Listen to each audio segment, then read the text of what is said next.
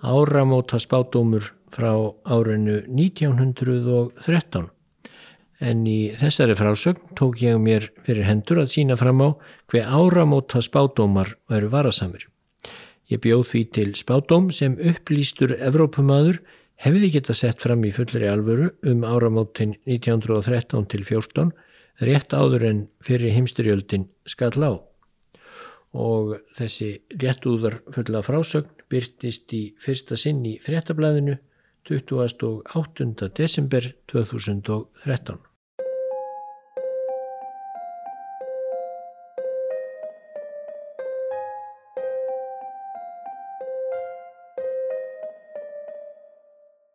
Þegar hvert ár rennur sitt skeið á enda þá er vel við hæfi að nota áfanga áramótana til að skiknast um, meta ástand heimsins og spá fyrir um hvað muni gerast á næstu missirum og árum.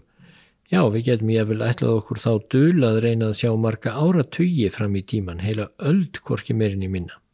Og hvernig verður umhorfs í heiminum árið 2013?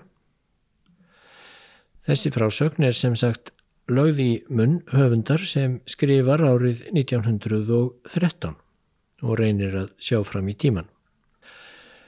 Hinn ímyndaði höfundur, hann skrifar Nú, þegar árið 1913 er að renna sitt skeið á enda þá er vel við hæfi að nota áfanga áramótana til að skiknast um, meta ástand heimsins og spá fyrir um hvað gerast muni á næstu misserum og árum Og já, við getum jáfnvel ætlað okkur þá dul að reyna að sjá marga ára tugi fram í tíman, heila öld gorki meirinn í minna. Hvernig verður umhárs í heiminum eh, þegar árið 2013 eh, munað endingu líka renna sitt skeið og árið 2014 leysaðað af holmi? Slík langtíma spá er kannski ekki alveg jafn fáránlegt verkefni nú og endranær. Mannkinnið er jú núna á árunnu 1913 á svo örugri og markvissri braud til fríðar og aukina framfara að spátumar svo langt fram í tíman eru líklega auðveldari núna en nokkru sinni. Hvað stórveldin í Evrópu varðar er ekki vafi á að þau munu halda áfram að eblast að íþrótt og frægð á 20. öldinni. Fyrir utan Balkanskaga þá hefur nú ríkt samfeltur fríður í Evrópu í rúm 40 ár og Evrópustórveldin munu áræðanlega kappkosta að rjúfa sem minnst þann mikla frið. Hinn tvö öflugu bandalög sem stórveldin í Evrópu hafa bundist í munu áræðanlega letja þau mjög þess að hefja stríð hvert gegn öðru. Þóttu Þískaland tali stundum digurbarkalega gegn eh, brettum og frökkum til dæmis þá er í raun óhugsandi að til meiri háttar styrjaldar komi millir hinn að fornu bandamanna. En brjótist nú stríð samt út einhver tíman í framtíðinni er örugt að það verður stutt og snakkaralegt. Strax og í óefni stefnir hjá öðrum aðila þá verður samin friður og þráður framfarana tekin upp að nýju. Vagn meiri óvisa eru mál austar í álfunni, ekki síst hvað snertir austuríki Ungverjaland. Sumir telja það ríki döðadæmt í þeirri mynd sem við þekkjum það. Það mun þó vafalust velta mjög á framgangi Frans Ferdinands ríkisarfa sem hlítur á næstu árum að taka við stjórnartaumunum í þessu víðlenda ríki en það gerist Frans Jósef keisari nú elli móður. Frans Ferdinand ríkisarfi er sagður röggsamur mjög og honum geti vel auðnast að bæla niður sjálfstæði skaspur ímissa þjóða í sambandsríkinu Östuríki og Hverjalandi. Til dæmis verður ekki séð að þjóður eins og tjekkar og slóvakar muni til lengdar sjá sér hagi í því að mynda vanmáttu smáríki millum stórveldana Þýskalands, Rúslands og Östuríkis Ungverjalands. Því verður að teljast líklegt að ríki Frans Ferdinands muni halda velli, þótt að sé vissulega veikast hinn að evrópsku stórvelda. Á Balkanskaga eru enn óútkljáð mál sem ílt er að spáum líklega mun Serbia enn eblast og ég vil leggja undir sig mestallan þennan róstu sama skaga nema náttúrulega Gríkland sem nýtur og mun áfram njóta verndar breska heimsveldisins. Í austur hluta Evrópu geti fyrir það síðar komið til styrjaldarmilli þjóðveri og rússa vegna Póllands og það er jáfnvel hugsanlegt að á einhverjum tímapunkti rífi Þískaland Pólland af rússum. Um sjálfstætt Pólland verður hins vegar valla að ræða næstu hundrað árin. Nefna þá í mestalagi ef þjóðverjar og rússar sjá sér hagi því að hafa það sem eins konar stuðpúða á millisín. Margir pólverjar þrá vissulega ennþá sjálfstæði en verða að átt að segja því að stórveldi Evrópu eru einfallega orðin svo sterk að við þeim verður ekki framarfroblað nýja viljið þeirra sniðgengin.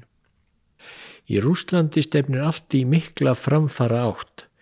Nikolás keisari lítur að lokum að átt að segja því að innveldi fyrir tíma er tímaskekkja en það sínir hann nú þegar tilburði til að deila valdi sínu með aðlinum og hinnum betri borgurum með vaksandi yðinvæðingu og nýtingu hinnanna er óþrjótandi auðlinda Rúslands mun ríki Nikolásar og arftaka hans halda áfram að eblast.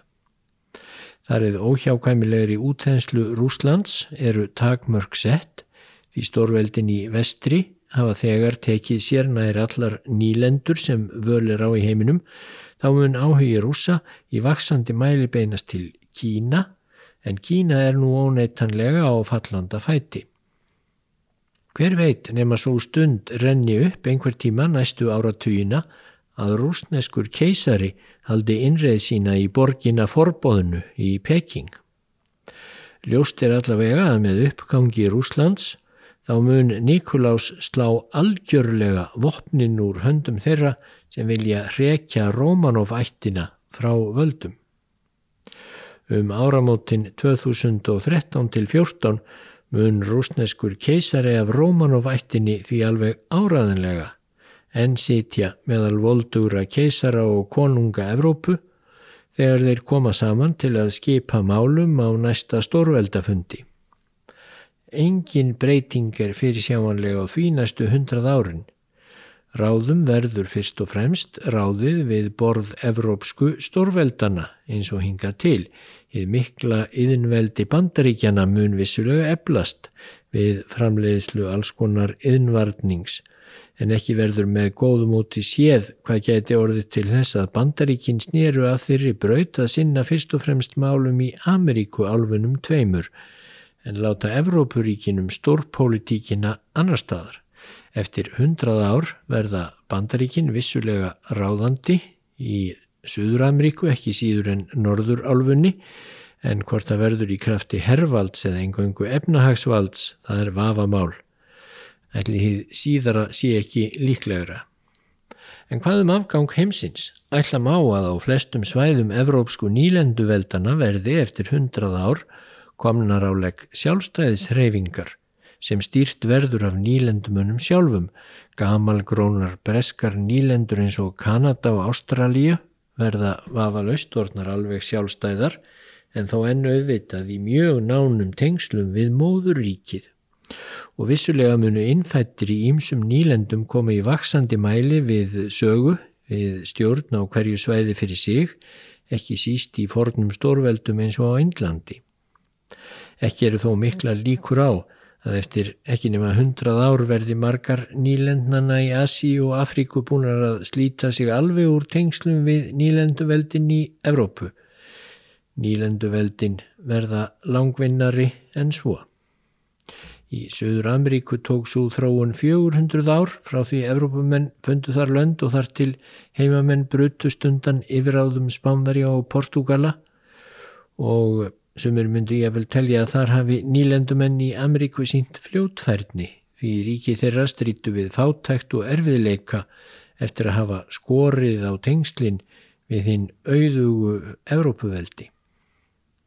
Íbúar í nýlendum bretta frakka og annara munu vafa lítið læra af þessu og alls ekki vera ofljóttir á sér að krefjast ótímabærs sjálfstæðis undan til dæmis brettum. Raunar er alls ekki óhugsandi að sjálfstæðisreifingar í nýlendunum muni alls ekki láta mjög mikið á sér kræla og nýlendumenn og ég vil innfættir líka að því marki sem þeir hafa skoðun á málinu muni þvertamóti sjá sér mikinn hagi því að vera að minnstakosti næstu hundrað árin í sem allara nánustum tengslum við nýlendu herra sína til að njóta þeirrar þekkingar og visku sem þaðan kemur.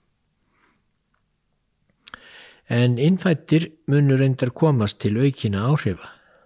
Árið 2014 verður til dæmis ábyggilega ekki mjög fátítt að svartir menn gegni ímsum allháum ennbættum í hinnum víðáttu miklu nýlendum breyta í Afríku en auðvitað undir handarjadri og vinsamlegu eftirliti kvítamannsins.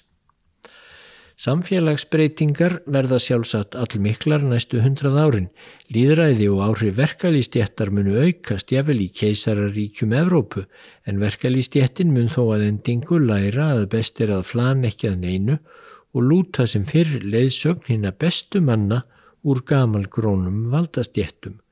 Stjórnleysingjar, kommunistar og aðri slíkir æsingamenn verða því löngu hveðnir í kútin eftir hundrað ár. Áhrif evrópska aðalsins minga enn smátt og smátt en verða þó enn umtalsverð eftir hundrað ár. Framsókn hvenna mun og aukast og ekkert virðist vera því til fyrirstöðu að árið 2013 muni konur jafnvel gegna ýmsum minniháttar ráþara ennbættum í ýmsum löndum. Hvað tæknisnertir munu framfarir halda áfram óslitið menn munu leggja undir sig loftinn í flugvélum og loftskipum þótt ekki leysi slíkur ferðamáti hinn stóru og glæsilegu farþegarskip af holmi næstu hundrað árin. Ímsir munu og spá því að menn geti flóið út í geimin einhver tíman næstu hundrað árin og geti vissulega farið svo en þó er vant séð hvað minn ætti að vilja þangað svo fagust og friðsælt sem umverður að litast á jörðinni næstu 100 árin 1913 til 2013. Og þetta var spádómur um atbyrði næstu 100 ára skrifað 1913 eða þannig.